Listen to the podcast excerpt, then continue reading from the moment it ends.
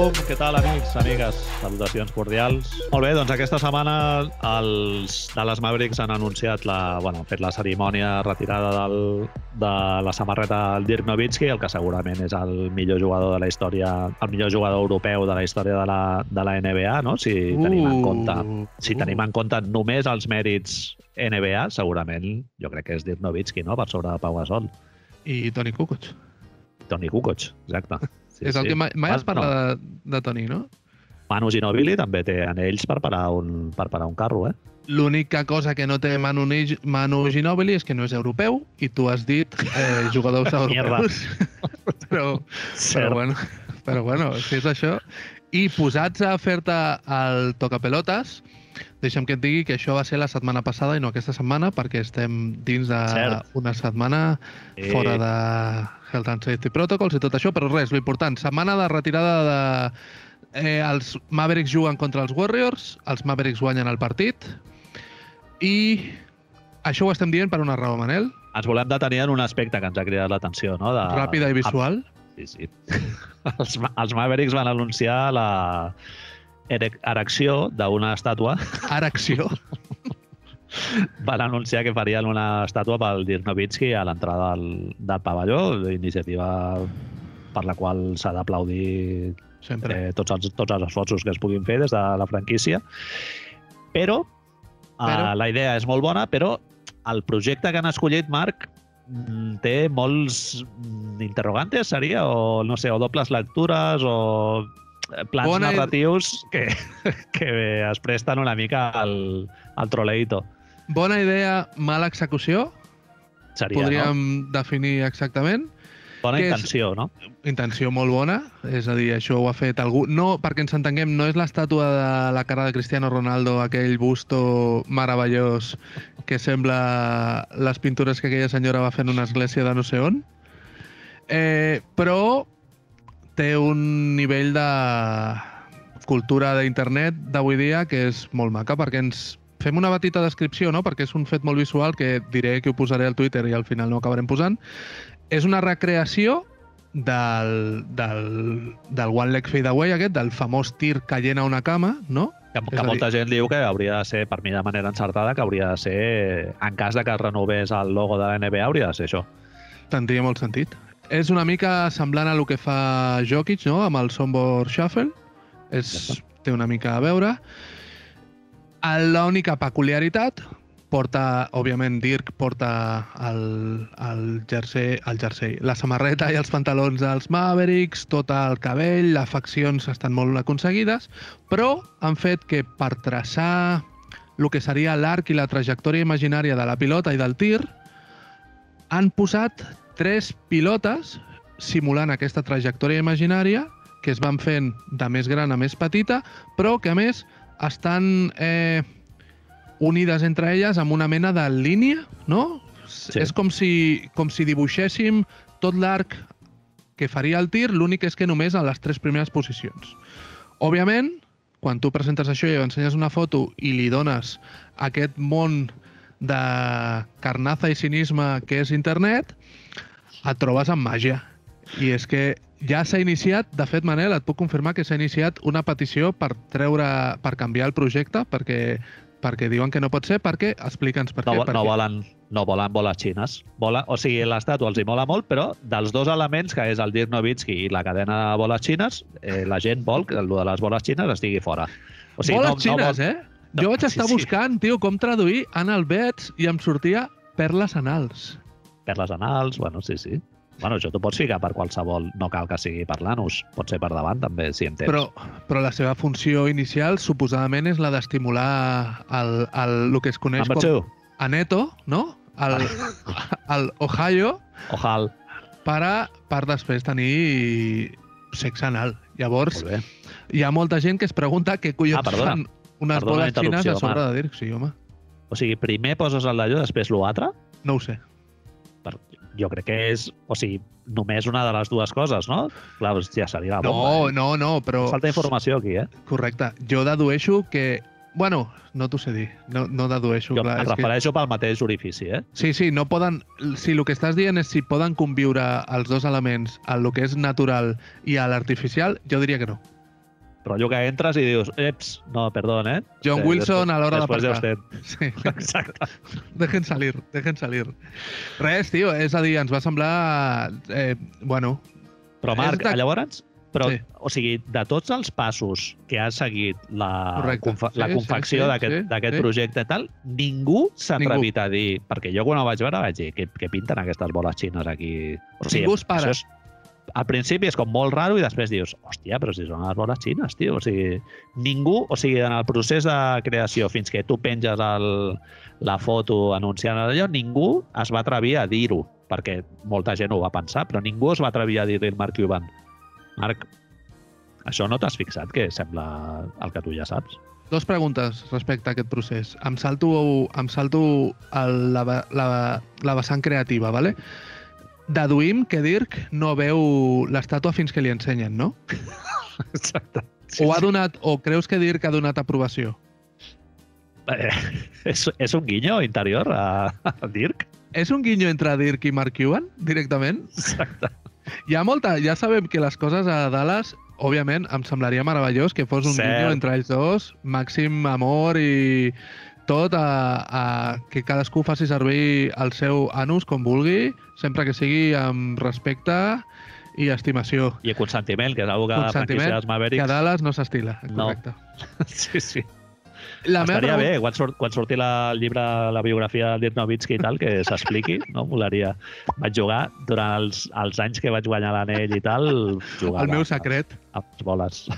Com es diu el, el profe de tir, el Holmer, Holmer Handerfronger, no? És a dir, un dels seus mètodes era tenir boles xines. T'imagines? Va sortir corrents el dia que van guanyar l'anell perquè s'ho havia de treure, ja era com, vale, ja, ja està, m'ho puc treure. Bueno, ja està, molt bé.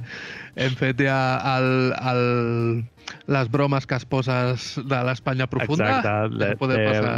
Brandy Soberano. Basketball, gimme, gimme, gimme the ball because I'm gonna! Una altra notícia bastant bomba de, de la temporada i que no, no ens esperàvem, no sé, jo, jo no sé tu, però jo no m'ho esperava que tornés Kyrie Irving i tal, i finalment Brooklyn Nets es va haver de baixar els pantalons i dir que acceptaria que Kyrie Irving no vacunat eh, jugués els partits de fora de casa, exceptuant els de, els de, el que jugaria a Brooklyn a camp dels Knicks, lògicament, perquè és a dintre del mateix estat, a Toronto i a San Francisco, no? Que no, no, a San Francisco pot jugar, tio, és el ah, problema. Ah, Sí, perquè ah, okay. és, una, és un dels problemes amb la, amb la legislació de, de Califòrnia, no, de la ciutat de San Francisco, que és que si tu no ets resident a San Francisco sí que ho pots fer, tio. És una vale, cosa molt rara, sí. que la gent la gent s'estava queixant, també. Eh, jo Toronto crec que... sí que no, no pot, Toronto no? no pot. Bé, eh? Legalment, legalment és, el, el detenen, pràcticament. No el deixen sortir, li fan un Djokovic. Eh, jo crec que l'important aquí, i ara parlem un moment de temes esportius, si vols, però el primer, primer, primer, és el que tu has definit perfectament com baixada de pantalons. Sí, sí. És... Són marcs, no?, dient bueno, no sé com, com s'ho fa, va fer venir, no? Van, van dir-ho de la responsabilitat individual una altra vegada, però és molt clar que el relat l'han canviat, no? O sigui, al principi van dir que ells eren... que no jugaria i tal, i de sobte, pues... Kevin Durant va tornar a dir que ell no podia obligar el Kyrie Irving a, a, i que no ho volia fer perquè això és un exercici de responsabilitat individual, tota la cantarella. Janis també va caure amb el, amb la cantarella, eh? Janis va fer, li van preguntar el dia que guanyen els nets i li diu que sí, que el dret personal, no sé què, no sé quantos. Eh, no ho sé, tio, vale. Bueno, sí, és que hi ha, hi ha un punt d'aquesta d'aquest discurs inocu que estan fent tots els jugadors per referir-se a, aquest, a aquesta situació, perquè parlen pràcticament en paraules buides, ja sabem que és una decisió personal i ja sabem ah. que tu no pots obligar a ningú, però hi han coses que estan no per sobre, que, que, però que són, és que ni de sentit comú, que tr transcendeixen aquesta llibertat individual i que parlen, ja no parlen de la voluntat, ja no parlen de llibertat, sinó que parlen de la voluntat de la pròpia persona. Bueno, és dit moltes que... vegades.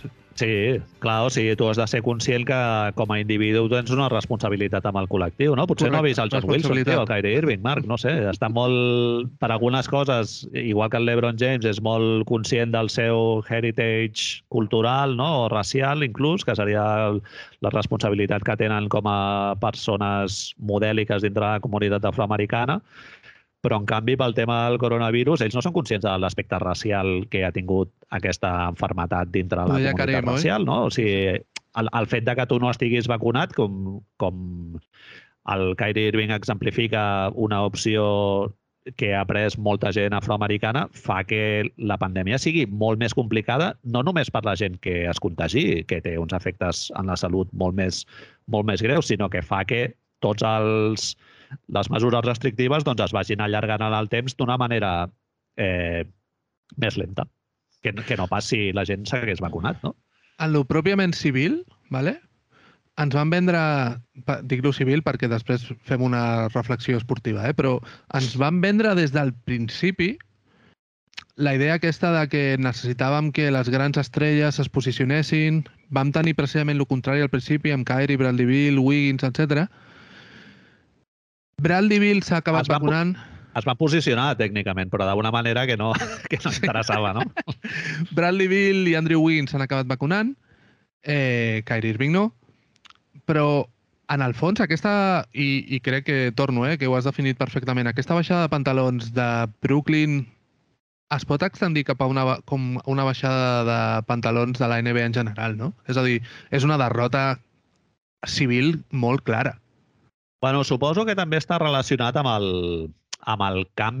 Jo no sóc tan negatiu a l'hora de jutjar-ho, eh? O sigui, jo, jo crec que també s'ha de posar en un context de que la pandèmia no és... La situació pandèmica, diguéssim, no és la mateixa ara que fa eh, sis mesos o, o un any i Correcte. la variant Omicron potser no és tan mortal i la sensació que tenim respecte al virus doncs, és eh, diferent i suposo que la NBA és sensible a això també, no, Marc? No sé. Sí. No, bueno, aquest, potser em passo, eh, de, no, de no, no, no, no. Va haver-hi va haver el, el... Ethan Sherwood Strauss va fer un article dient precisament això, de que en el fons ell es queixava de que s'estava sent eh, no s'estava sent just amb Kyrie Irving precisament per no deixar-lo jugar als... que era, era una estupidesa que pogués jugar a Indiana i no pogués jugar a Nova York. Això és, és, és cert. Jo el que em pregunto és si, si òbviament, eh, la NBA ja hem dit moltes vegades que és una lliga reactiva i no proactiva, i des del principi a mi em va sorprendre perquè sí que va semblar que agafava una posició, un posicionament molt clar, que era volem fer una mica de... A veure si, si no és així, eh? però marcar una tendència, no? De... Altaveu de la societat, sí. De, de dir que les nostres estrelles segueixen lideraran un camí com van fer amb el, com van intentar fer en tot el tema del Black Lives Matter, etc.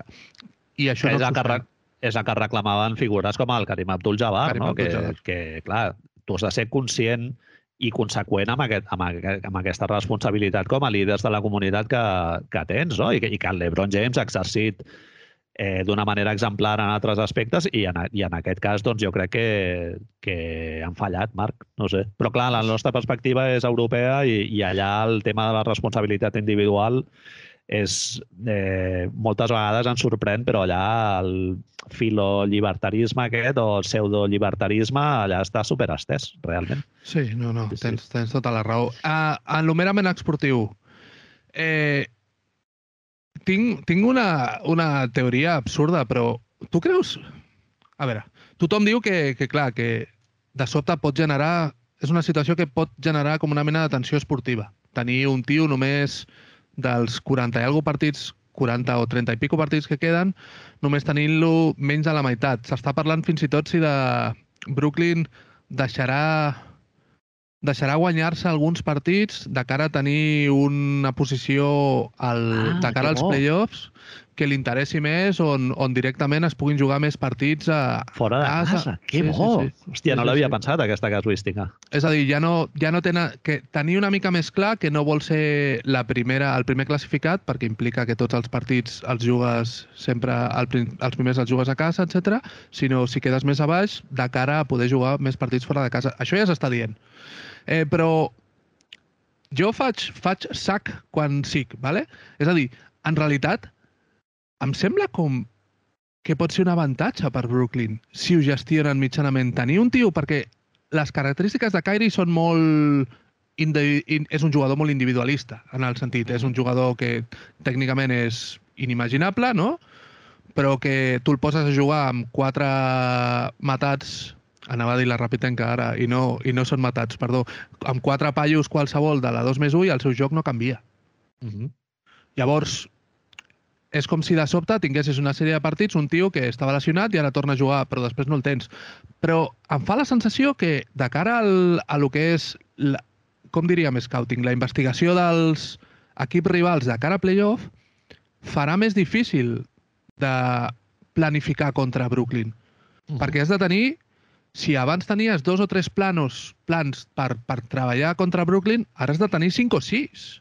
Si juga Kyrie, sí. si no juga Kyrie. Si, si juga Kyrie amb KD, amb Kevin Durant i James Harden. Si no juga... És molt difícil de planificar contra un equip, això. Em sembla que aquesta, aquesta disrupció, hashtag disrupció, li pot anar bé, tio. No sé.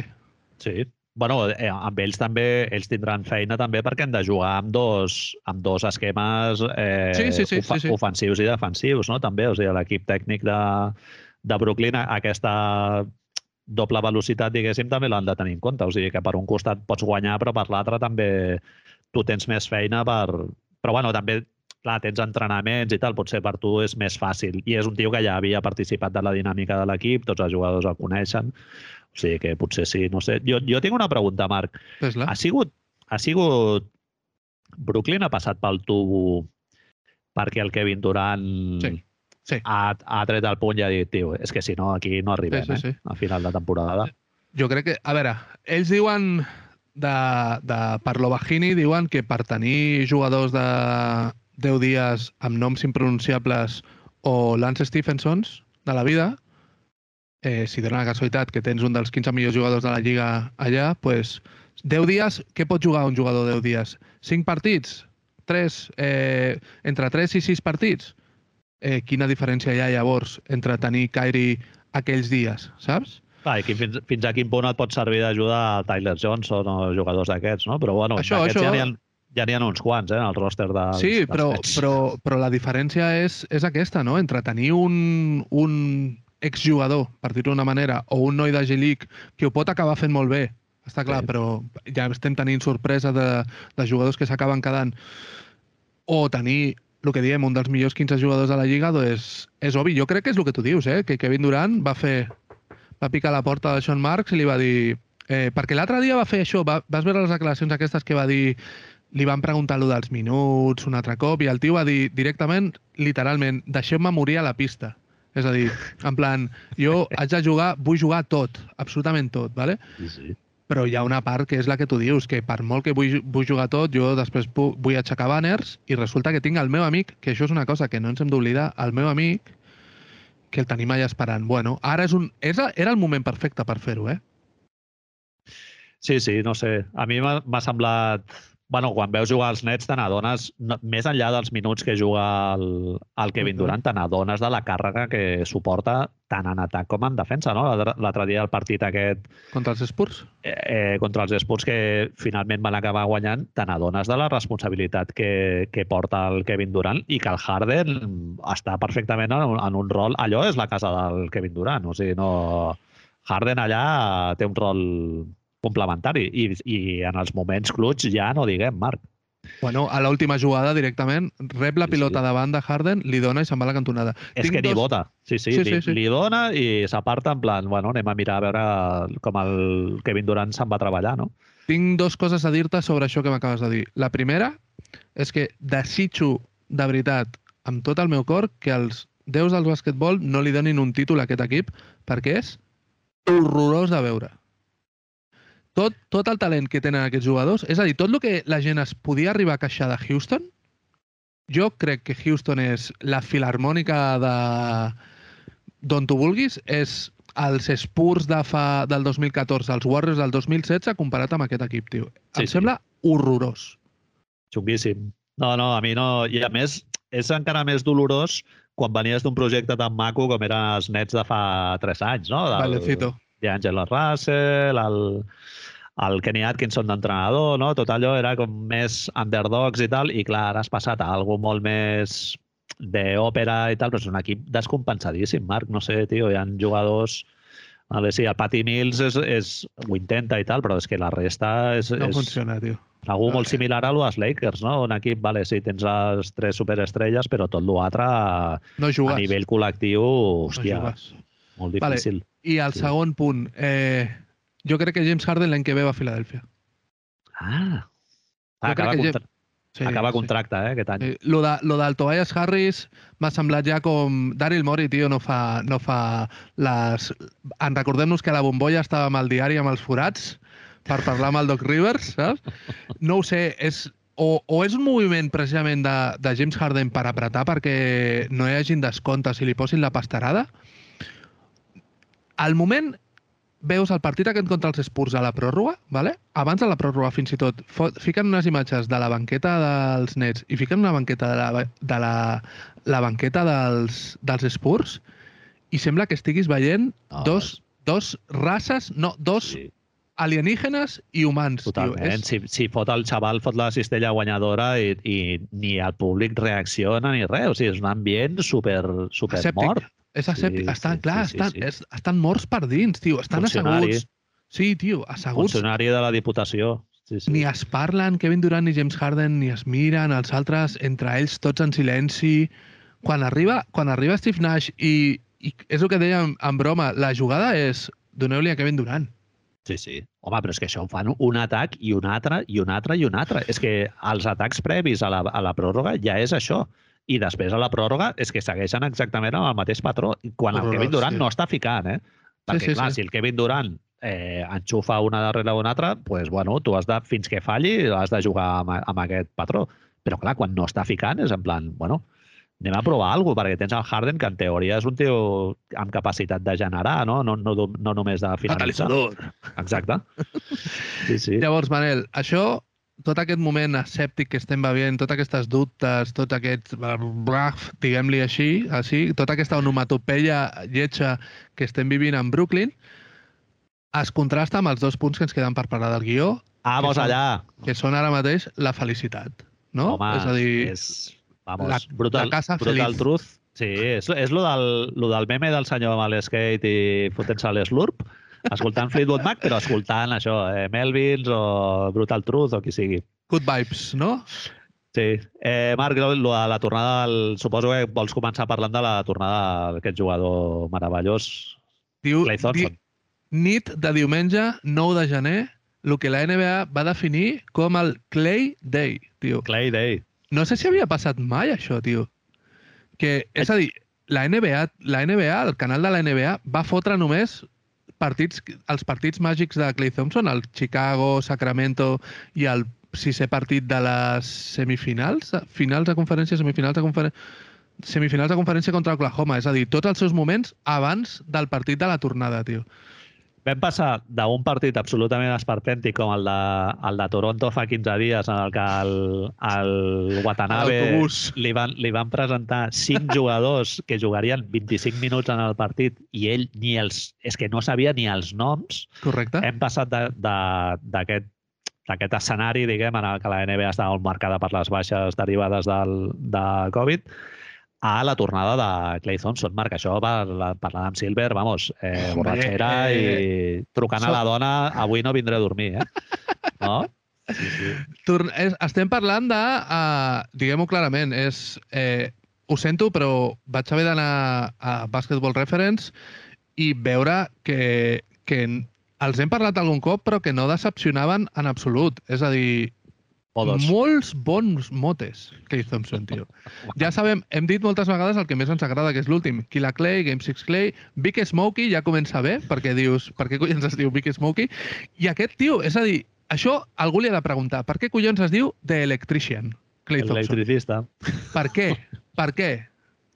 Manel, això que deies, 110 milions video views, vale? és a dir, de, a, a través de totes les plataformes socials de la NBA, dels rècords, del, dels highlights, diguem, del partit de tornada. És el moment de la història de la NBA a les plataformes socials més vist. Uf, tremendo. Més vist de la història, eh? De tot. Són molts anys, 75 anys d'història, òbviament no 75 en plataformes socials, però pff, tremendo. Partit més vist a NBA TV, que no sé per què el van fer a NBA TV en lloc d'una televisió nacional, des del 2016 i a lo que són a la televisió local, al NBC Sports, que fan allà a Bellària, igual, partit més vist és el 2016.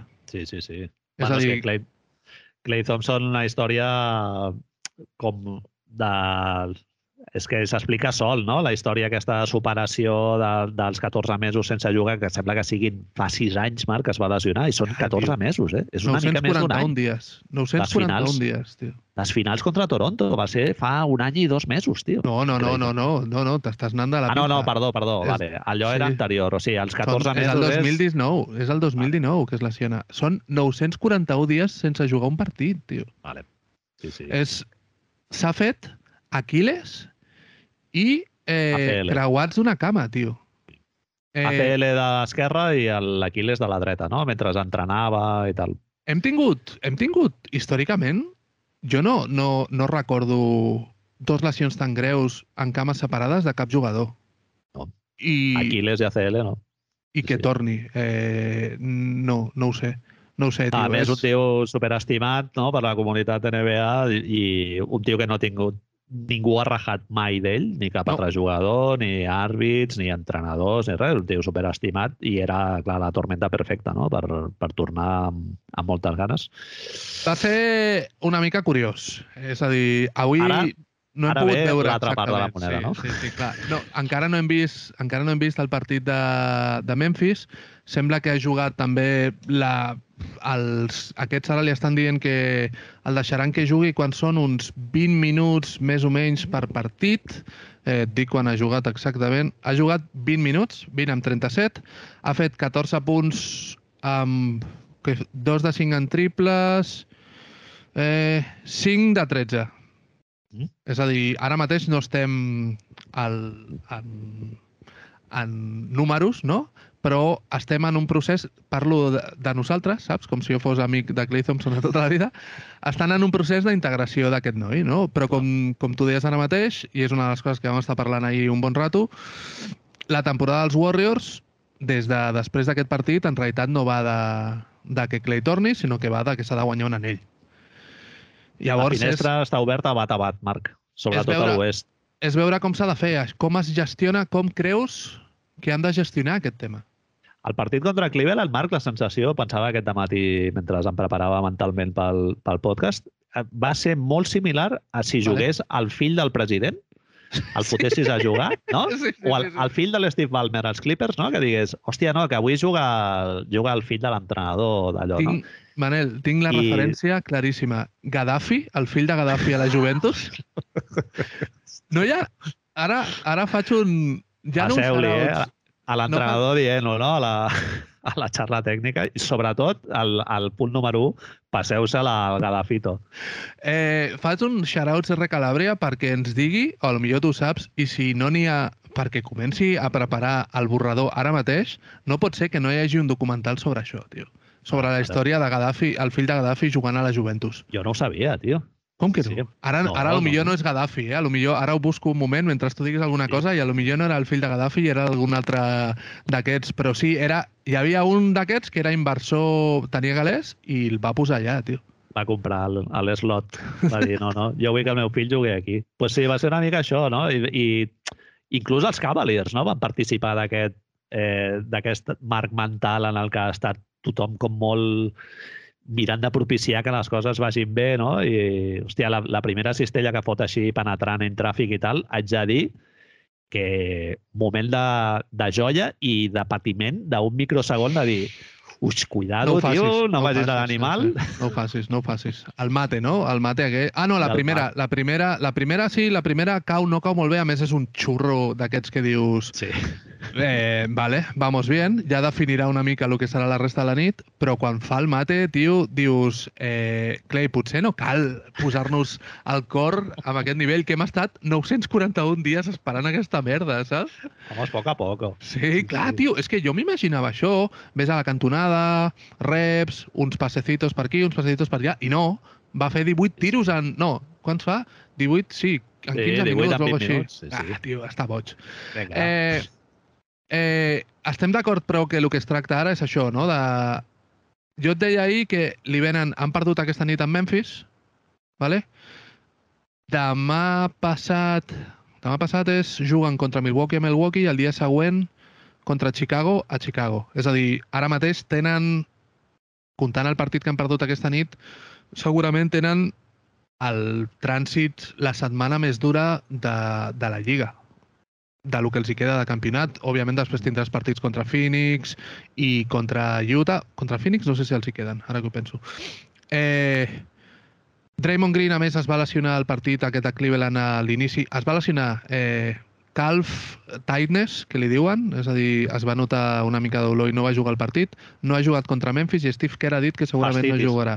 Fastitis, no? Una mica lesió de fumar molts ducados. És, és, pot ser que sigui precisament que l'estan deixant que descansi, eh? perquè ja s'ha dit, Kerry ha dit que vol que tant Draymond com eh, Curry descansin uns 10 partits. I els, aquesta tornada de Clay a lo millor serveix perquè els dos els facin descansar i anem a aprofitar que Clay agafi números i si perdem els partits els perdem. Perquè el que et preguntava, Imanel, hi ha algú fora dels tres primers equips, de- dels quatre primers equips de l'Oest que creus que li pugui passar la mà per sobre a, a Golden State en set partits? No.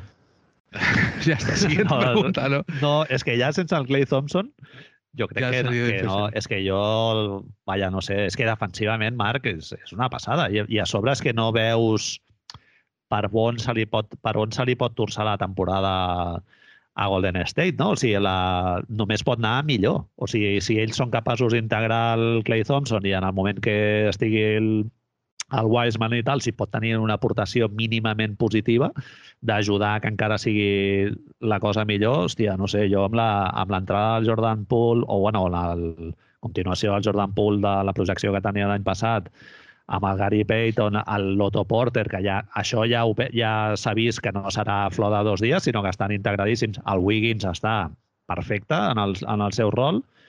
Eh, el que pugui donar el Bielitsa i tal, no, no sé si els minuts aquests que li hauran de generar amb el Clay Thompson, un dels els dos millors jugadors de la història dels Warriors, en qui, fins a quin punt pot desestabilitzar una mica el, el projecte i, i sobretot tenint present que encara els hi queden molts mesos no? fins als play-off.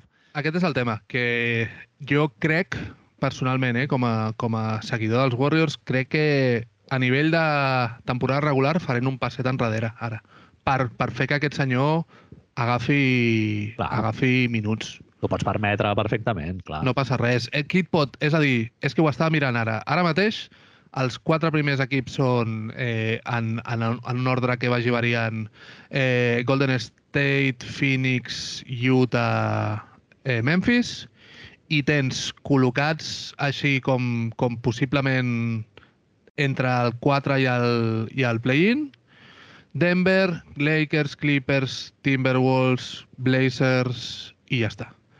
A mi no em sembla que cap d'aquests, a no ser que Nuggets ara de sobte recuperin a Jamal Murray i es torni boig, els Clippers recuperin a Kawhi o Paul George i es tornin els dos bojos, no em sembla que tal com estan construïts ara, cap d'aquests equips li pugui guanyar quatre partits als Warriors. Ho tenen a la mà. L'ú- L'únic l'únic escenari en el que jo els veig perdent la, les finals de conferència és que Memphis eh, realment pues, jo, vagin sense cap mena de pressió. Eh, Memphis pugui haver avançat les dues rondes anteriors sense molt d'esforç. Un moment, perdó, est perdó, eh? Estem dient que Memphis a les Es- finals. estàs veient Memphis, Memphis i Warriors argumentant al final super- de les conferències? Ho estava argumentant super sèrio, Marc. Hòstia, és que ara mateix Estem en aquest, és que estem en aquest escenari, Marc. I si no, desmiéntemelo.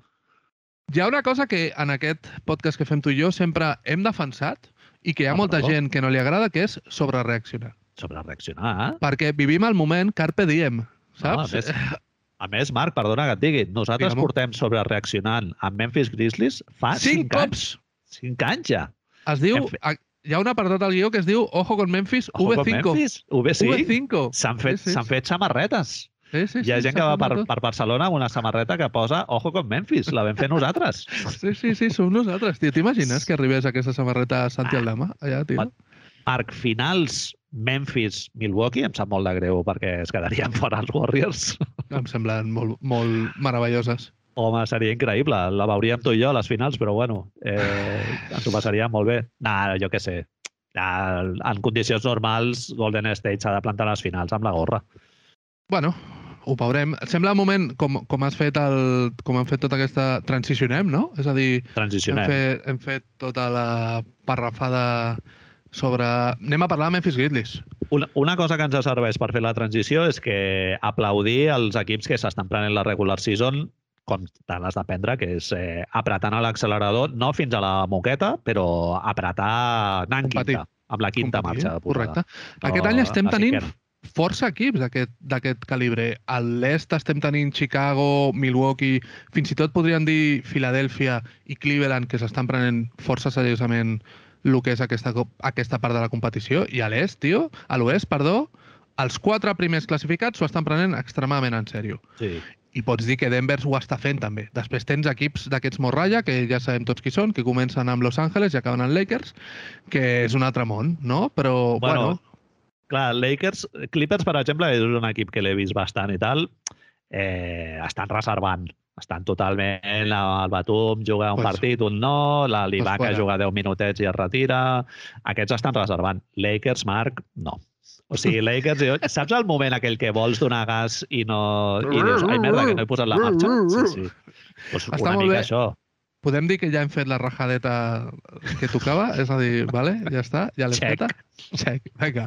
Eh, et llegeixo ràpidament unes coses, que hi ha un punt al guió que si et fixes et vaig posar això llegit, perquè no li haguem de, de donar-li gaires voltes.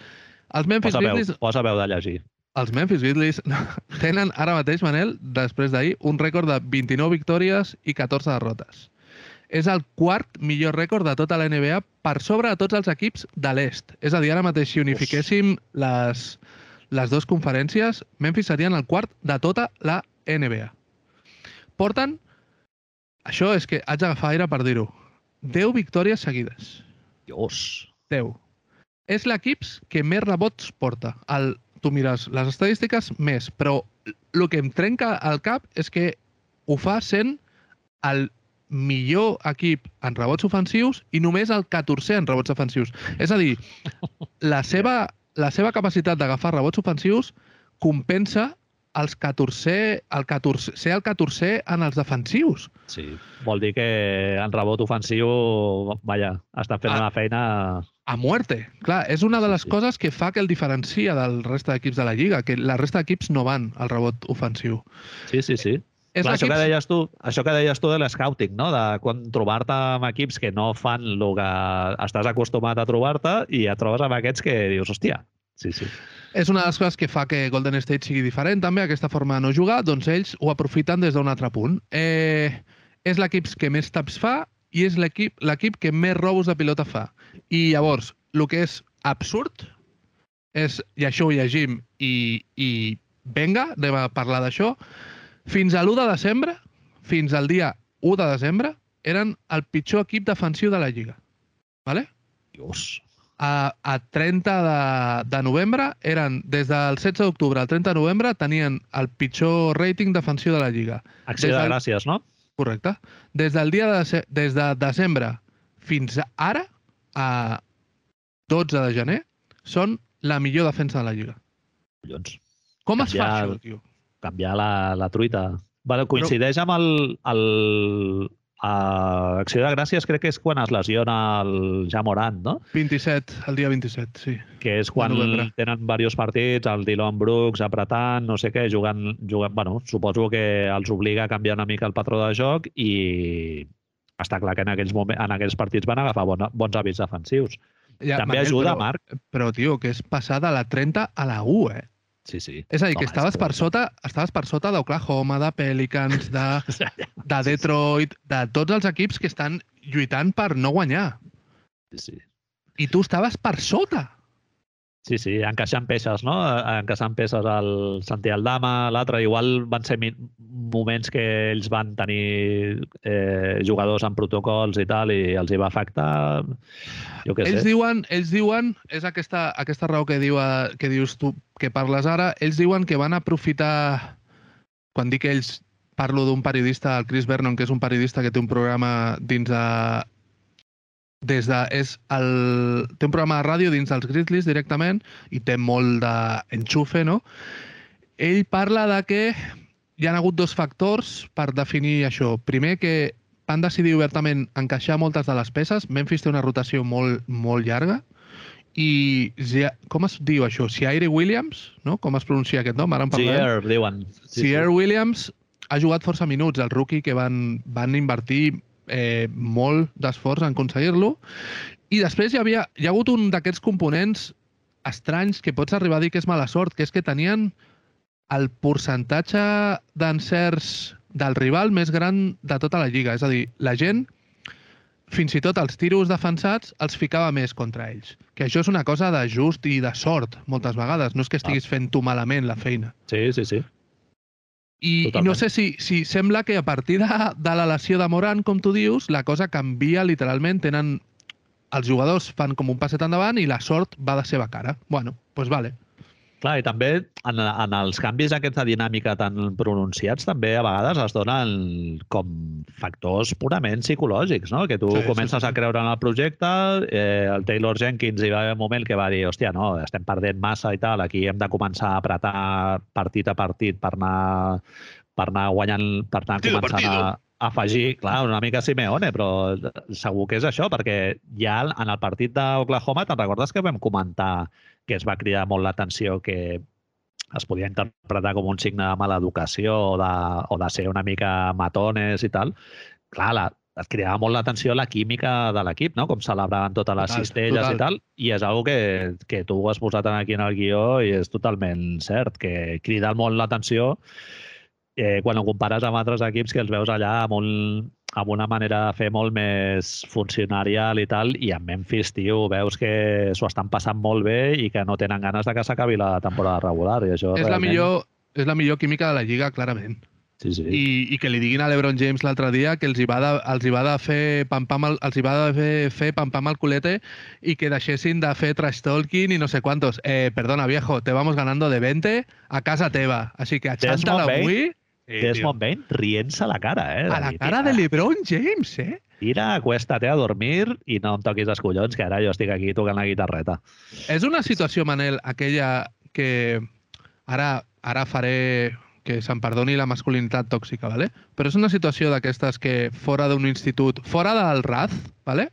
si l'Ebron James et ve borratxo o de l'Apolo a fer això i tu ets Desmond Bain, no tu, i hi ha un Desmond Bain que li passa això, és un bofetón, no?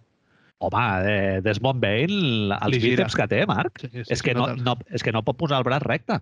O sigui, té, un, té uns bíceps, tio, que sembla la meva cama, tio. O sigui, tot el, com pots tot, tirar amb allò? Tot el Nadal, vale? Desmond Bain, a les celebracions de Nadal, a casa seva, les nous les compraven amb càscara.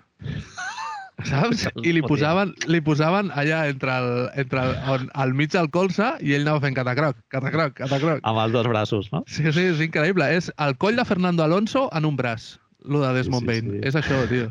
És això. Eh, com d'important és la continuïtat, llavors? Una de les cantineles de sempre. És el mateix eh... equip de l'any passat, més Shire, més Steven Adams. Sí, han perdut només el, el Grayson Allen, no? que ha anat a parar a Milwaukee, un jugador que els hi va donar molt bon resultat i tal. A, a mi, Marc, el, en aquest sentit de química o de playmaking, no? de pegamento, digue-li com vulguis, hi ha un jugador que no acostuma a sortir a, a les llistes aquestes que es fan i tal, i, i tampoc surt quan es parla de Memphis, que és el Kyle Anderson, tio. Sí, sí, em sí. sí. un jugador importantíssim, tio, per, per generar... Ell i Dylan aquest... Brooks, no? Ell, bueno, Dylan Brooks en, en un altre aspecte, però el, el Kyle Anderson, tio, jo penso que si no estigués aquest equip el trobarien molt a faltar realment. Eh? Estic molt d'acord, estic molt d'acord. Sí. Eh, tot això, és a dir, aquesta química, en aquesta temporada que estem vivint, de merda, de contractes de 10 dies, de gent guanyant-se les garrofes com pot, ISO Joe i tota aquesta merda, hauria de ser com molt important de cara als playoffs, no? És a dir, aquests automatismes, hem vist, hi ha una cosa que és important. Eh, es van perdre, que em sembla que són 10 partits, 12 partits sense ja Moran, es va lesionar quan hi ha aquest canvi defensiu, i van fer 10-2, van guanyar 10, van fer 10 victòries, és a dir... Home, molt...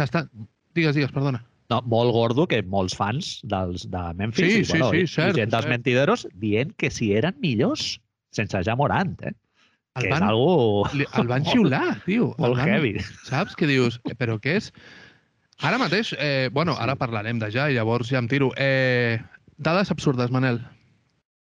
Ah, sí, dades absurdes. No, però abans de dir això, jo et anava, et anava a preguntar que al respecte de la, de la química que ens crida l'atenció, no?, dels Grizzlies Sí. i tal, eh, que potser té molta importància que és un equip que no s'ha construït fent trades, no? Això que comentàvem de Brooklyn i tal, de, Ho tindrem. de equip de mercat gran, de vaig a comprar block, el Blockbuster a veure què hi ha i tal, Parlem? Sí, sí, el sinó parlem. que Memphis té, o sigui, el 80% de la plantilla que té han sigut draftejat per ells o els han construït ells. O sigui, el de Sí, sí. Anthony Melton crec que va estar un any a Phoenix, però dels jugadors importants, eh, ja Moran, Jaren Jackson, el Dylan Brooks, tots aquests jugadors són d'ells. I eh, Kyle Anderson diuen? no, però...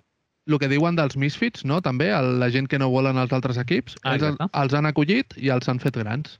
Ara el parlem al final d'això, perquè hi ha un punt que era això de com, com pot evolucionar Memphis, així que en, en parlarem ara. Sí, en sí, parlarem sí. ara.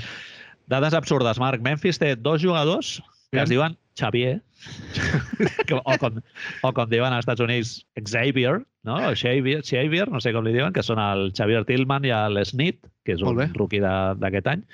I m'ha cridat l'atenció també que tenen molts jugadors amb, Sí. amb un nom propi que no té ningú més a la Lliga, que són el Això Santi. Aldama, Bien. Santi Aldama, eh, el Ja Morant, no? Dylan Ja- Brooks, Jamarius, Jamarius Moran. Hòstia, Jamarius eh, Talante, no sé com es diu, tio. El, hòstia, és un nom Ara busquem. Ara busquem. Jamario. Dylan Brooks, eh, el Zier, que no és Zaire, no, no, és no, no. Ziaire, que és que a la seva mare o el seu pare es van equivocar, no? Com el del Dwayne Wade i tal, que es van equivocar en l'ordre. I van dir una de más. Sí, sí. Tyus, que és un nom que em flipa, que és un nom de, de, de ministre. De Anthony, que aquest ja és un... És fàcil d'imaginar la ètnia d'allò. Un que es diu Yves, Ips. que és el, el nom aquest francès, Yves, Preciós. i hi ha el, el nom flipant que el vam tenir aquí al Joventut de Badalona, un tio que de nom propi es diu Dakota, Marc.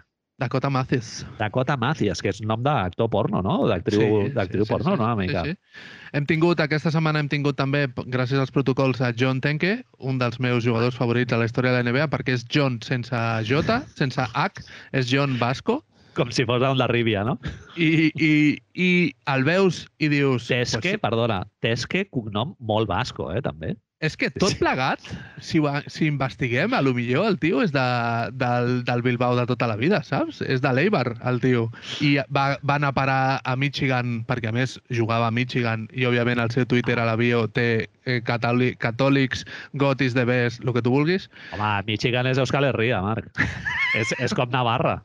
No, no es pot, no es pot debatre, això. Santi Aldama, tio, eh? Santi Aldama ja tot això deu estar flipant en colors ara mateix. Marc, Santi Aldama, jo de dir que he fet Hero Journey, eh, amb ell. Al sí, principi, total, molt, total. molta Samar- risa i tal, i m'ho estic, estic començant a menjar, eh? Samarreta, Sí, sí. Es samarreta. belluga molt bé, sap molt bé fi, fins a quin punt ho pots apretar i tal, que això en un jugador, l'honestedat, sempre s'ha d'aplaudir i tal. És molt alt, es belluga molt bé, defensa molt bé la línia, que això m'ha cridat molt l'atenció, que és un tio molt gran i no braç molt ràpid. aixecat, braç Sí, aixecat sí, sempre al davant del aixecat. tirador. Timing de salt perfecte per tapar. Ja l'he vist defensar va- diversos tiros, amb el Harden li fot una boina, tio, que dius, hòstia, Això vol dir, Manel, que, a més, això que dèiem abans dels misfits, dels desgraciats d'altres equips, estem dient que una de les coses que sempre ens agrada dels equips no només competeixen, sinó que a més desenvolupen jugadors? És a dir, Santi Aldama serà molt millor jugador a final d'aquesta temporada, quan arribin a finals de conferència, de lo que exactament. era al principi, saps? Segurament, sí, sí. L'important que és caure en un equip amb aquestes pretensions i objectius, tio. home, player development a saco, Marc. O sigui, tu li arribes a dir al Dylan Brooks fa 3 anys que estaria firmant un max i és que, vamos, és que no s'ho creu ningú.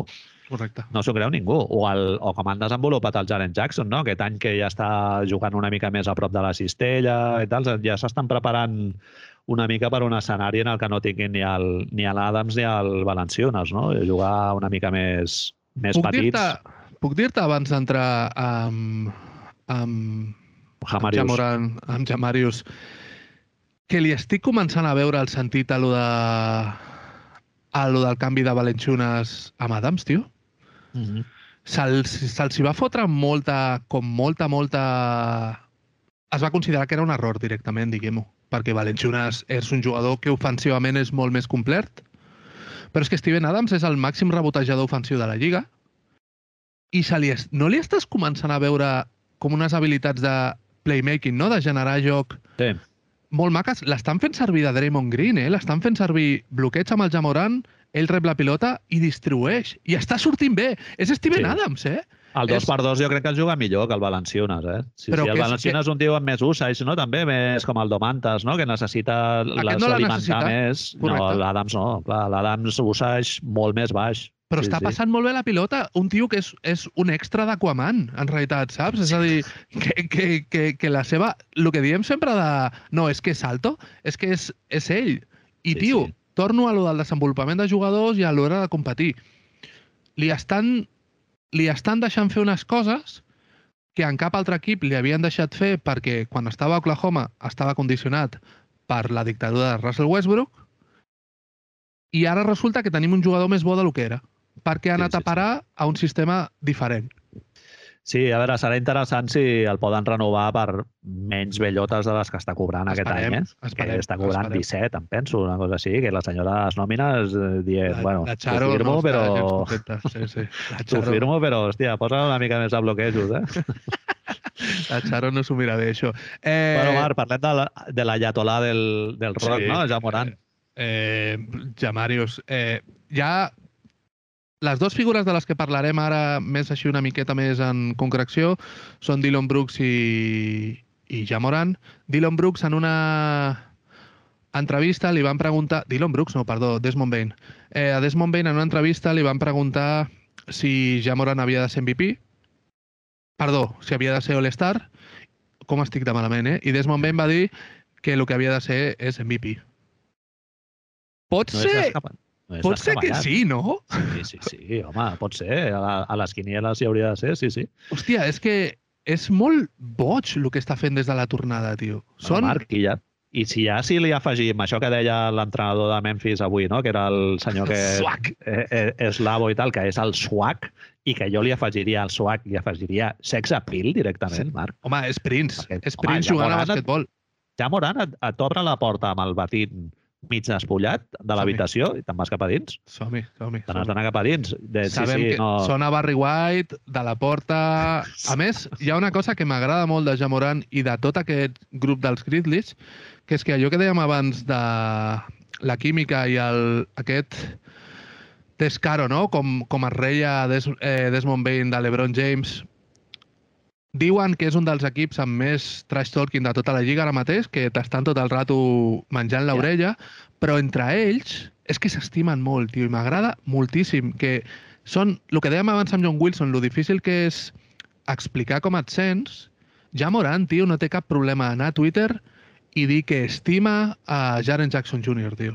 I Ah. sembla, sembla una tonteria, perquè pot semblar una bautada d'anar a internet i quedar bé, però és molt difícil escriure el verb estimar, tio. Sí, totalment. I aquest noi diu, pues no, jo el fico. Es diu, perdó, Manel, Darko Rajakovic.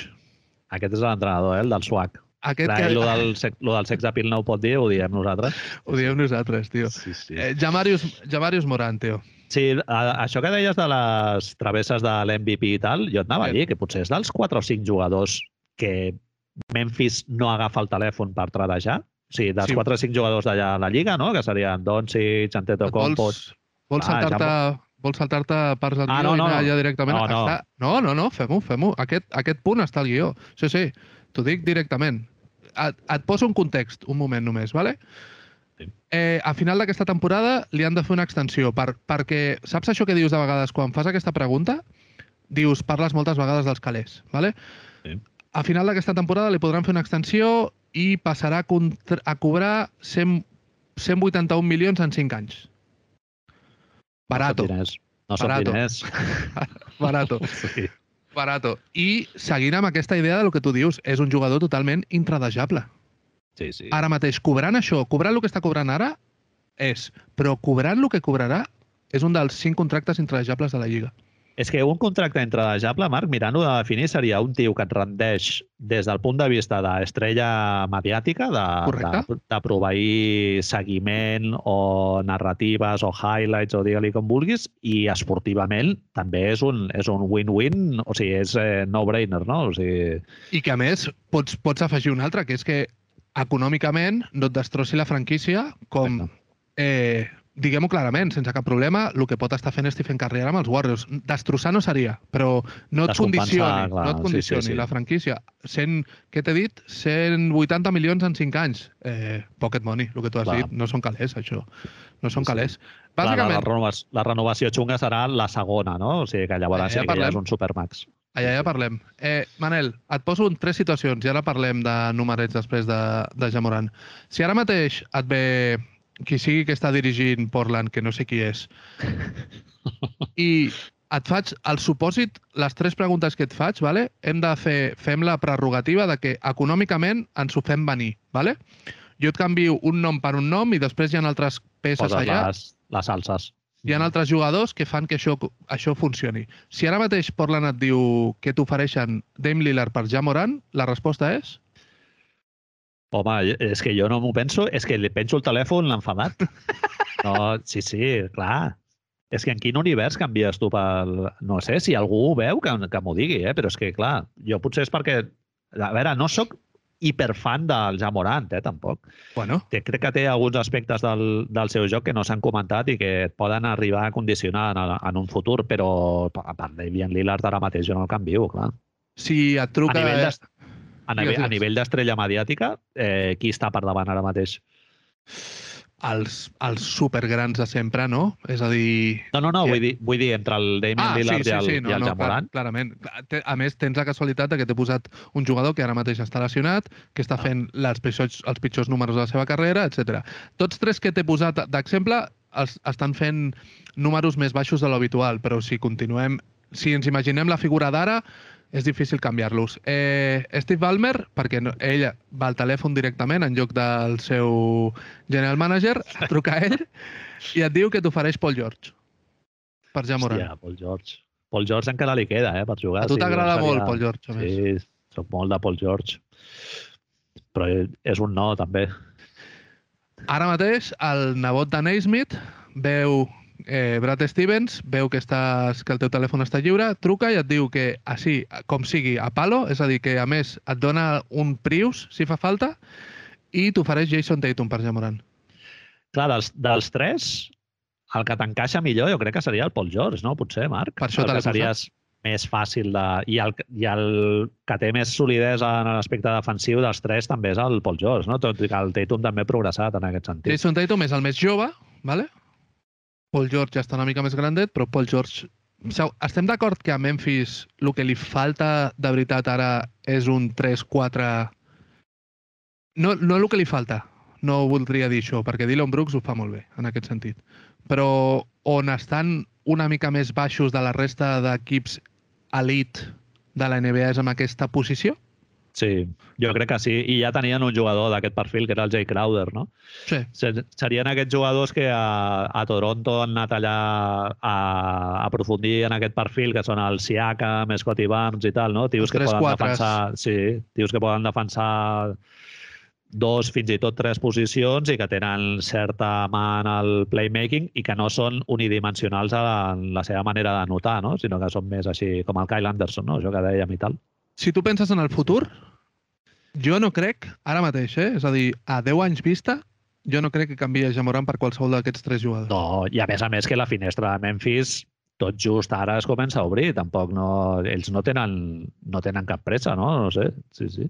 Ens ho mirem ara, allò de la finestra, perquè surt també al final. Llavors, eh, les comparacions habituals que es fan amb Jamoran, això de el, slasher, no? El base jove eh, físicament privilegiat.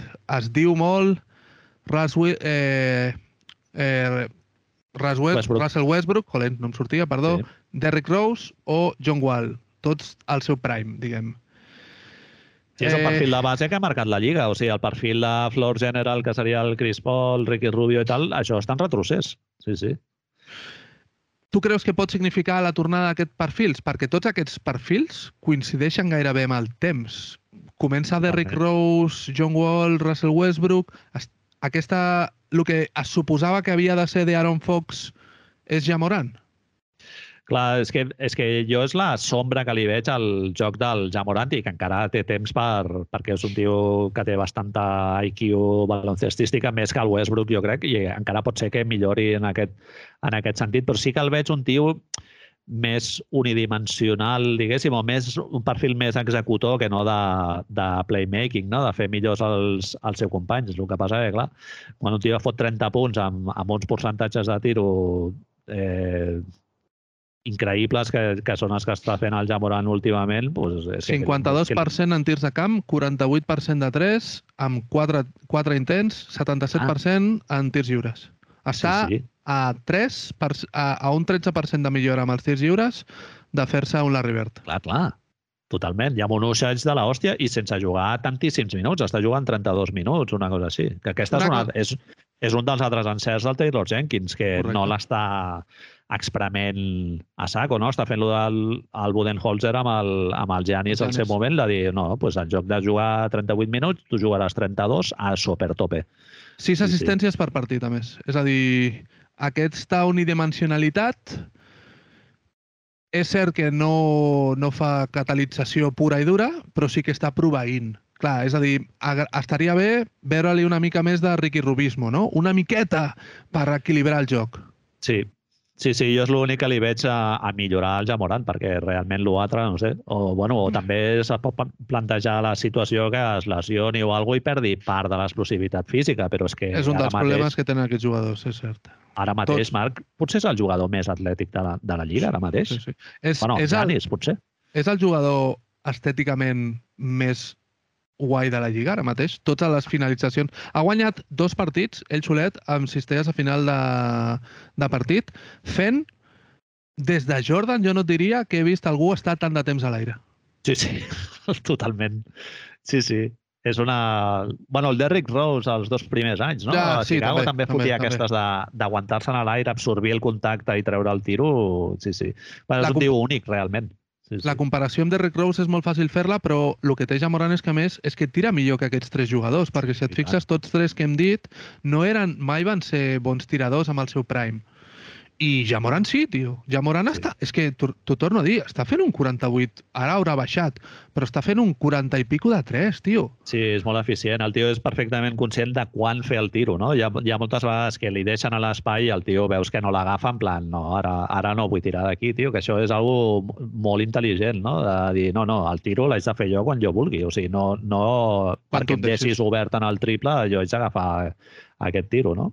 Chris Paul deia amb, amb un dels seus campus, no? amb una, en un dels campus que estan a YouTube, eh, dels quan fan els joves, una de les frases que més es repeteixen és que mai has de deixar que la defensa et dicti el teu atac, sinó ah. que has de ser tu el que faci que el defensa eh, cregui que facis el que vagis a fer. I, i amb això eh, ja Morano ho està fent perfecte.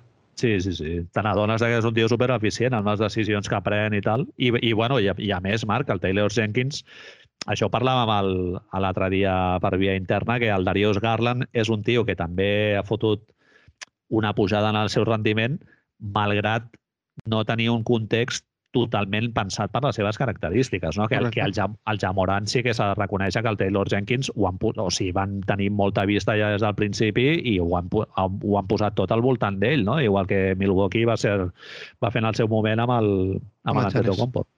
Llavors, ara que has dit aquest tema, Eh, fem revisionisme històric. Es va equivocar New Orleans seleccionant Zion Williamson? Home, vaya, jo... És que... Juguete roto? Ho vols dir ja? Claríssimament, Marc, Greg Oden, no? Jo, no, jo encara no estic allà, no? però... Bueno, Pilla-la no sé. la fantasy. Pilla-la la fantasy i ja m'ho diràs. Com el tinc jo. Sí, veuràs, veuràs al matí fent la torradeta amb la cara del Greg Oden. ah, no sé, Marc. Ja, és molt, ja... És, ja et dic, és revisionisme, eh? però hi havia... Era un draft fluix després de les dues primeres i, tio, la potra que va tenir Memphis de no haver estat en la situació de... És que t'ho van fer fàcil. A les situacions aquestes amb les que el Greg Oden, quan Portland no escull Kevin Durant, dius, ah, vale, doncs pues ja està. Sí, sí, sí. sí, és, sí és el problema que li va passar als Warriors. Si els, si els, si els Timberwolves haguessin escollit la Melo Ball, no estaríem amb el, amb el problema que tenim ara, saps? Quan escullen, Totalment. no escullen la Melo Ball i tu no l'esculls després, doncs mira, tens aquest sí. problema serendípia, no? Ja et ve, ja. et ve donat. Tot sí, fet. Sí. L'altre no, Marco, Manel.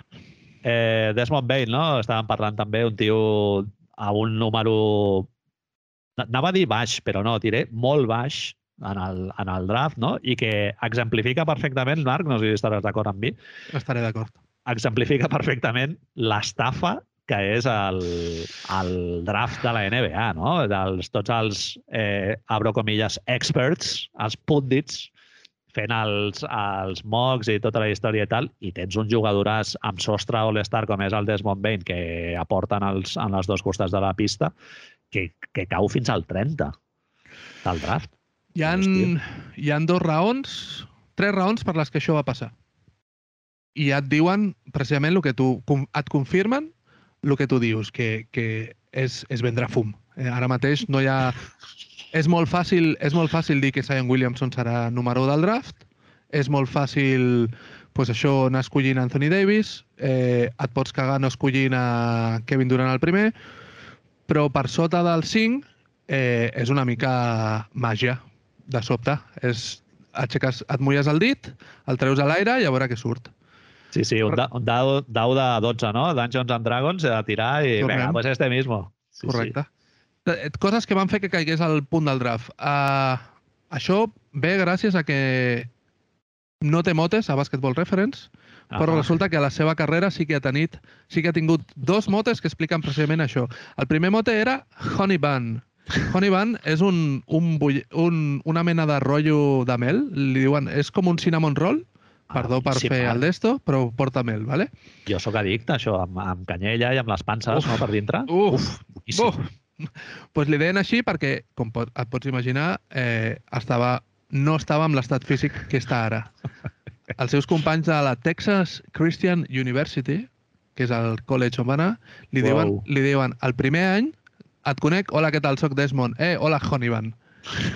Saps? Molt bé. Segon mote, Manel.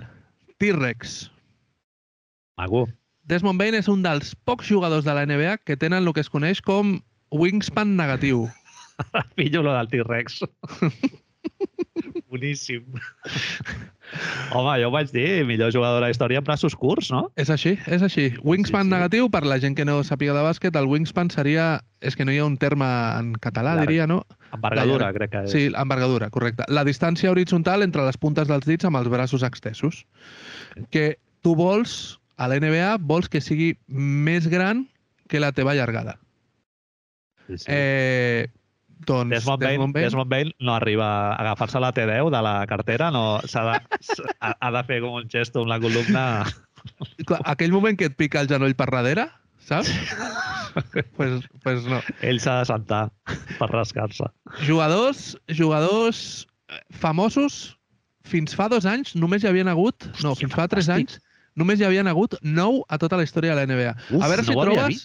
A veure no si havia trobes, vist, això, Manel, el guió, tio. Estic flipant. A veure si trobes un punt en comú en tots ells, vale? Home, sí, sí, ja el veig. Et dic, et dic els que, els que n'hi han apuntats. JJ Redick, eh? no li va fer baixar gaire, això amb el draft. Frank Kaminsky tampoc li va fer baixar gaire. Sorprèn que Frank Kaminsky no sigui un jugador amb braços llargs, no? Però... Sí. Eh, Kelly Olynyk, Mason Plumlee, de fet, podríem dir que hi ha més d'una característica, però hi ha una que és òbvia, i una que dius, uala, però que en realitat té tot el sentit del món, Yao Ming. Perquè si Yao. Ming tingués, tingués els braços més llargs de la seva llargada, estaríem parlant d'una persona que arrastra els braços pel terra mentre camina. Home, podria el mate sense aixecar-se directament. Sí, sí, sí. Sense ni, car... ni aixecar el taló. Por, por 25 pesetes, què tenen en comú tots aquests jugadors? A part que hi ha alguns que són molt dolents comença per M, no? Tot. Melanina més aviat baixa. Sí, sí, sí, tota, no, molta, molta blancor i blancor d'aquella blanco nuclear, eh? Sí, sí, sí. sí, sí. Kaminsky, Olínic i tal. Amèrica profunda, tio. Amèrica profunda. Bueno, Olínic és canadenc, però i Yao Ming és xinès, però, hòstia, sorprèn que a tota aquesta llista que veus hi ha molts noms europeus i hi ha molts noms de gent blanca. Ara, una altra cosa que tenen en comú és que tots tenen bastant, bastanta bona mà, no? Men menys Mason Plumlee. Sí, sí, tots tiradors. Tots es, es diu... Mecànica. Bueno, Yao Ming no, tu, no recordo ara ben bé si era gaire bon tirador. Sí, molt bé. Sí, sí. no el treia molt a tirar, però tenia, tenia bon llançament, sí. Es diu que és un fet eh, que facilita el tir. Un dels altres que no vaig ficar per no omplir és el Mihailuk, el que ara està sí. a Toronto. I la, lli la llista són, són força tots tiradors. S'acostuma a dir que facilita el tir, no ho sé. Uh mhm. -huh. Una de les altres coses que va fer que caigués tan tard és que es va passar 4 anys. Desmond Bain, tornem a parlar d'ell, es va passar 4 anys a la Texas Christian University i va fer allò que va, el va penalitzar amb això que tant els agrada el que tu deies, als púndits, als experts al draft, des que és parlar del potencial. Com és un tio que és 4 anys més vell que eh, ja Moran, doncs resulta que no el pots modificar, no pots... Desenvolupar, no? O sigui, no pots imaginar-te el que serà. Clar, hi ha, hi ha jugadors que ja venen amb un sostre fet, no? molt, molt marcat, en teoria, Marc. Eh? En teoria, guinyo, clar, guinyo que... a los puntits. clar, i després hi ha jugadors que eh, venen molt fets, però els pots desenvolupar una miqueta més en funció del context, perquè això no, és un esport individual, no? Correcte. Sinó que el Desmond Bain el poses en un context diferent i segurament pues, no, no seria el jugador que és ara. Se'l compara amb diversos jugadors que ens agraden molt, no? Són dos principalment, un Braga bé per noms, els dos donen la curiositat que ell ha parlat de que els va escollir com a models, que són Clay Thompson i Devin Booker. Eh, tu mires ara mateix els números de Clay Thompson el, he agafat, t'he posat aquí l'any del primer títol dels Warriors, és a dir, quan ja porta 3, 4, no, porta, sembla que 3, 4 anys a la Lliga, no? i una mica més, diria. I aquest és el tercer any de Desmond Bain, que és el primer on se li donen... El segon on se li donen minuts, però el primer on se li donen responsabilitats. I és que si et pots a mirar, et pots a mirar aquí els numerets, és GIF de l'Spiderman. Sí, sí, molt similar pel, pel 36 minuts, no? Clar, sí. és que no podem, no podem comptar la temporada de Desmond Bain encara com finalitzada, però pels 36 minuts els percentatges de tirs en les tres categories difereixen en dècimes, tio. Sí, Perdó, sí, en dècimes, sí. en centèsimes, sí. sí, sí és increïble. Sí. Clay acaba ficant més punts, però els percentatges de triples i el volum de triples és el mateix. Són... Kane més, més rebotador, també. Uh -huh. Clar, perquè és, una, perquè és la filosofia de, de, de Memphis. Clar. Però com d'important és, llavors, Manel, que, que tinguin un Clay Thompson en potència, aquest equip, tio? Ai, ai. Home, Memphis era un equip que sempre sabia dir que els hi faltava llançament exterior i tal, no? Bueno, sempre. En, els, en, en les temporades aquestes anteriors que dèiem nosaltres i tal. I, clar, amb el Desmond Bain i el Kilian Tilly i tal, han, han draftejat tios com John Conchar i tal per, per mirar de contrarrestar això i amb el Desmond Bain, clar, tenen un tio... Però jo anava a dir, Marc, a mi aquest tio em sorprèn moltes vegades en, en el joc en transició, tio. És molt loco, va, va, és una màquina. Com una, fot com una petita marxa així d'accelerar, de dir, ai, no, no, que mira, que estan mal col·locats, i ja fot el, el d'allò cap a dintre i, hòstia, t'ho fa pagar, eh, realment. No és un tio de grans mates i tal, però llegeix molt bé quan treure avantatge, no? Amb el... Tren de mercancies, tio. Sí. És un sí, tio, sí. és el que tu dius, de sobte apreta l'accelerador i s'ha fet... Ja ho faig jo, saps? És això sí, de, sí, no, tranqui, sí. jo ho faig jo. És que sí, és molt sí, important treure-li... Que, que li pugui treure volum a Jamoran. Clar. És, és el que els hi passava als Warriors quan, quan tens la construcció aquesta. Pick your poison, que diuen ells, no? Escull qui vols. Si, sí. si, defens, si li fas una caixa i una a Jamoran, de sobte aquest tio pot generar també per la seva banda. Sí, això fins ara ho feien, donant-li molt de volum de tiros amb el Dylan Brooks, no? per, per permetre que el Jamoran fos més eficient, però clar, ara, amb aquest tio que pot agafar, doncs, no sé, 15 tiros per partit perfectament, eh, doncs clar, se t'obre un ventall maco. Estan 17 ara mateix. Estan 17. 17 tiros per partit. Sí, sí, sí. Eh? Clar. I bueno, sembla... ha fet partits. Clar, ha fet que... algun partit de 40 punts, no? Sí, sí, 30 i pico. És ara mateix un dels millors, com diríem, dels backcourts de les la construcció de U2 és una de les millors de la Lliga, no? Sí, sí.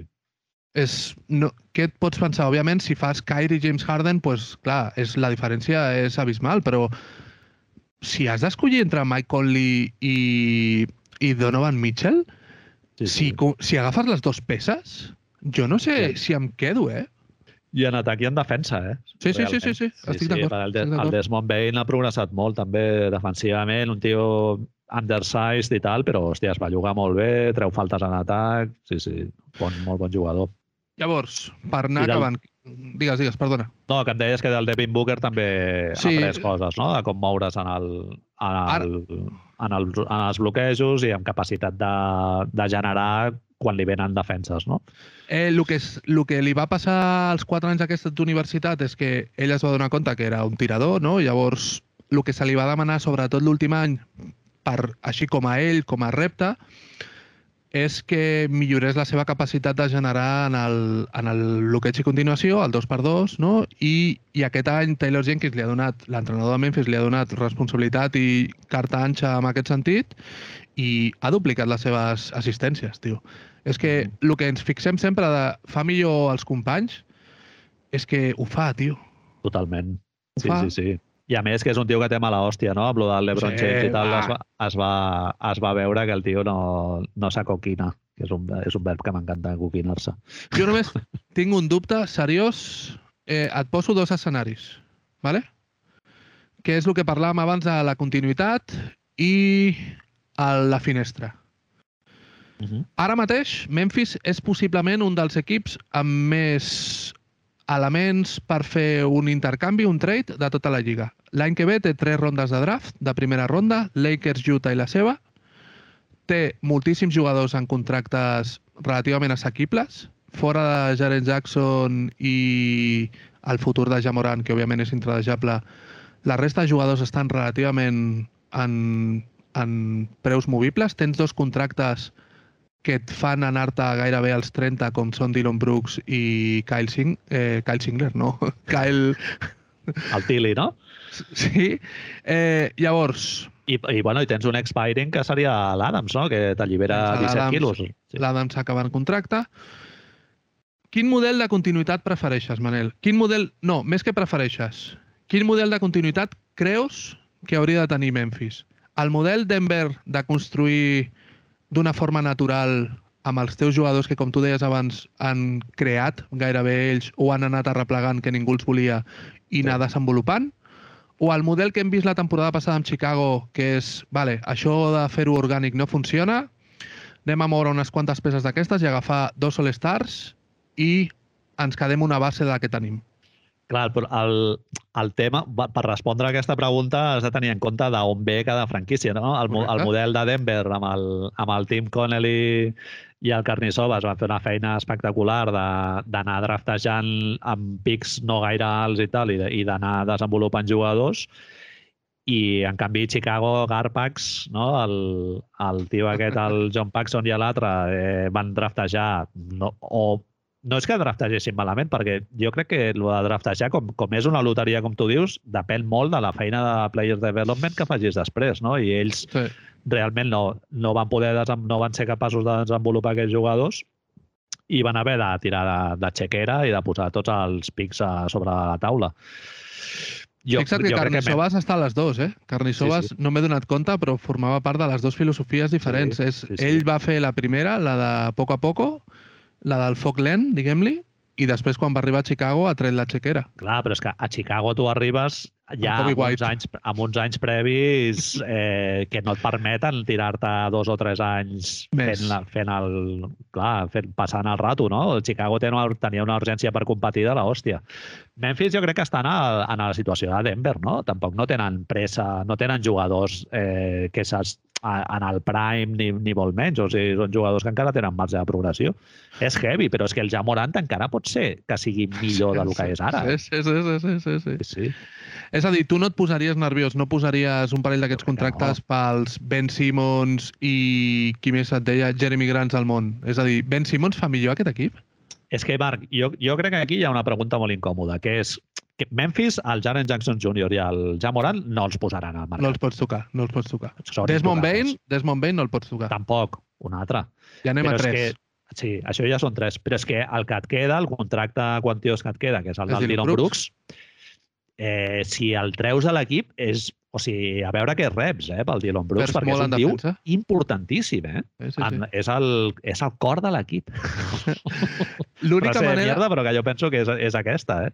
l'única manera de no perdre defensivament és que sigui Ben Simmons. Però què sentit té Ben Simmons fora de la defensa en aquest equip? Clar. Sí, i Si la pilota un, l'ha de tenir l'altre. Clar, tens un fit amb el Jamorant difícil, no? Ben Simmons i Jamorant. Potser sortiria bé, eh? Amb un rol més, més com el Draymond Green i tal, no sé. Et dona la possibilitat, és veritat, eh? ara que ho estic dient, et dona la possibilitat de que jugui eh, directament de 5 quan Steven Adams no jugui i Ah. que sigui l'únic que estigui per dins i els altres quatre per fora. Clar, el que El dèiem del, el que dèiem del context, no? Aniria a, parla, a parar en un context radicalment diferent del de Filadèlfia, clar. Molt òptim, molt òptim. És eh, fans entregats, eh, perdó, fans entregats, gent eh, donant-ho tot i, i bueno, Començar de zero i tal, i en, i en un context en el que una franquícia ha demostrat que és capaç de desenvolupar jugadors, no? No sé, sí, sí, sí, jo sí, sí. A mi em sabria molt de greu que desmuntessin l'equip, tio. Crec que encara pot progressar una miqueta més i, i, i són capaços de competir en l'Oest, o sigui que... Sí, no, el, el tema és si t'has de posar nerviós o si veus eh, que hi ha, hi ha una possibilitat oberta o no, no ho sé. Mhm. és, és el gran dubte, és a dir, la gent acostuma, en quan, en quan... Se'ls planteja l'oportunitat, no? Clar, tu has de decidir, has de decidir. És, és molt golós anar... Ah, vale, doncs anem, cap, anem amb tot, però segurament és molt més intel·ligent anar amb una mica de mimo i a poc a poc. Ara, sí, sí. Et, dic un, et dic una pregunta, llavors. Hem vist un equip, i amb això, si et sembla, anem tancant, que ja se nos ha ido de les manos. Hem vist un equip que va escollir aquest, aquest model precisament i que a la llarga no li ha sortit bé, que és Portland. Sí. Molt a la llarga, estic d'acord. Ah. Hem vist moments molt àlgids, eh, finals de conferència, Dame Time, el relojito i tot això, i hem vist moments més, més xungos. Com Bueno, ara estàs veient el, el moment en el que el projecte ha arribat al final del seu cicle natural, no? Penso jo, eh? Però, Penses bé. por, però Portland no es pot dir que s'hagi equivocat apostant per aquest model. Estem d'acord amb això, no? És a dir, eh, de vegades sí. no, no li hem d'exigir a tothom eh, Ah, guanyar l'anell. Han construït una de les estrelles més mediàtiques del seu moment i esportivament eh, és veritat que no han jugat finals de la NBA, finals de conferència una i tal, però no s'han perdut playoffs i ha sigut un equip que a regular season, joder, han jugat molt bé. Estic d'acord, Sí, sí. estic d'acord. Jo no em posaria nerviós i penso que no passa res si Memphis... És a dir, per molt que m'agradaria que Memphis guanyés un anell, com em va, em va agradar moltíssim que l'any passat Giannis i Milwaukee guanyessin l'anell, després de tot el que ens està donant, no passaria res si, si no guanyen un anell, si únicament ens donen això que ens estan donant ara. Clar, clar, clar. Em totalment. sabria greu que guanyi Brooklyn, això t'ho dic també, ¿vale? Sí, Però, però bueno, sí, sí. Totalment. Sí, sí. bueno, pues lo hemos hecho. Gràcies per la vostra atenció. Fins aviat. Chao.